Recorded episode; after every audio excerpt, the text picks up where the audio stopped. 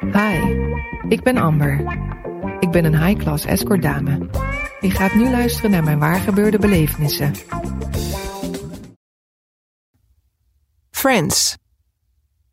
En dan komt de dag dat ik genoeg moed heb verzameld om mijn allerbeste vriendin te vertellen wie ik echt ben. We hebben net samen gegeten en buiken uit aan haar eettafel. Onze broekriemen zijn een gaatje verder opengegespt. De afwas kan wachten. Wil je koffie? vraagt ze. Vanuit de keuken houdt ze een doos bonbons omhoog, omdat ze weet dat ik die zo lekker vind. Zij is de enige die mijn frustraties kent. En zij is het die tijdens een weekendje weg met een gifgroen algemasker op haar gezicht op het bed naast me ligt. Toch verzwijg ik al twee jaar dat ik naast mijn kantoorbaan een dubbel leven leid. We hebben wel eens gesproken over mijn angst haar te verliezen. En die vrees heeft me elke keer tegengehouden. Je kunt me alles vertellen, echt, zei ze dan. En ik dacht aan mijn donkere geheim dat haar zou laten zien hoe rot ik van binnen ben. Ze zou niet de eerste vriendin zijn die de benen nam na dit nieuws.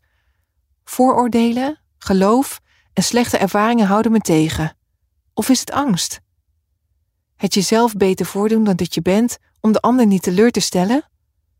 Ze heeft me net een behoorlijk intiem verhaal verteld en dat raakt me intens. Ze laat me zo dichtbij komen. Wat is ze lief? Ik wil iets zeggen, maar het lukt me niet. Staalblauwe ogen kijken me aan. We kunnen elkaar alles vertellen, toch? vraagt ze, doelend op haar pikante maar onschuldige ontboezeming. En dan barst ik in snikken uit. Met gierende uithalen snotter ik wat onsamenhangende woorden. Ze strijkt een losgevallen pluk haar achter mijn oor. Meisje toch, En met een kapot gedraaid bonbonscellofaan in mijn handen snif ik dat ze iets van mij moet weten. Twee dagen heb ik me opgesloten.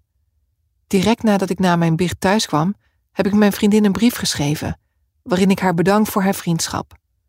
Vertel dat ik oprecht van haar gehouden heb en dat altijd zal doen. Ik heb de brief nooit verstuurd. Tussen hoop en vrees tik ik routineus de dag af. Ik besef wat ik op het spel heb gezet en denk aan de impact van de beloning of de straf. Mijn keuze heeft me zoveel gebracht en toch ook zoveel ontnomen. Terug van het boodschappen doen ligt er een envelop op de mat. Ik herken haar handschrift meteen. De envelop ligt voor me op tafel, al uren. Ik heb eraan gevoeld en geroken, maar het blijft een gewone dubbele kaart. Twee mokken koffie heb ik al op. De briefopener is nog ongebruikt. Uiteindelijk neem ik een besluit. In de wc, met de deur op slot, scheur ik met ijskoude vingers de bovenkant los en sluit mijn ogen een moment. Het ronde handschrift is even sierlijk als haar gedachten. Ze heeft een keuze gemaakt en gekozen voor mij. Tranen druppelen op de tegels. Zelfs na zes keer lezen staat het er nog. Heb je ervan genoten? Mijn belevenissen verschijnen ook maandelijks in Linda.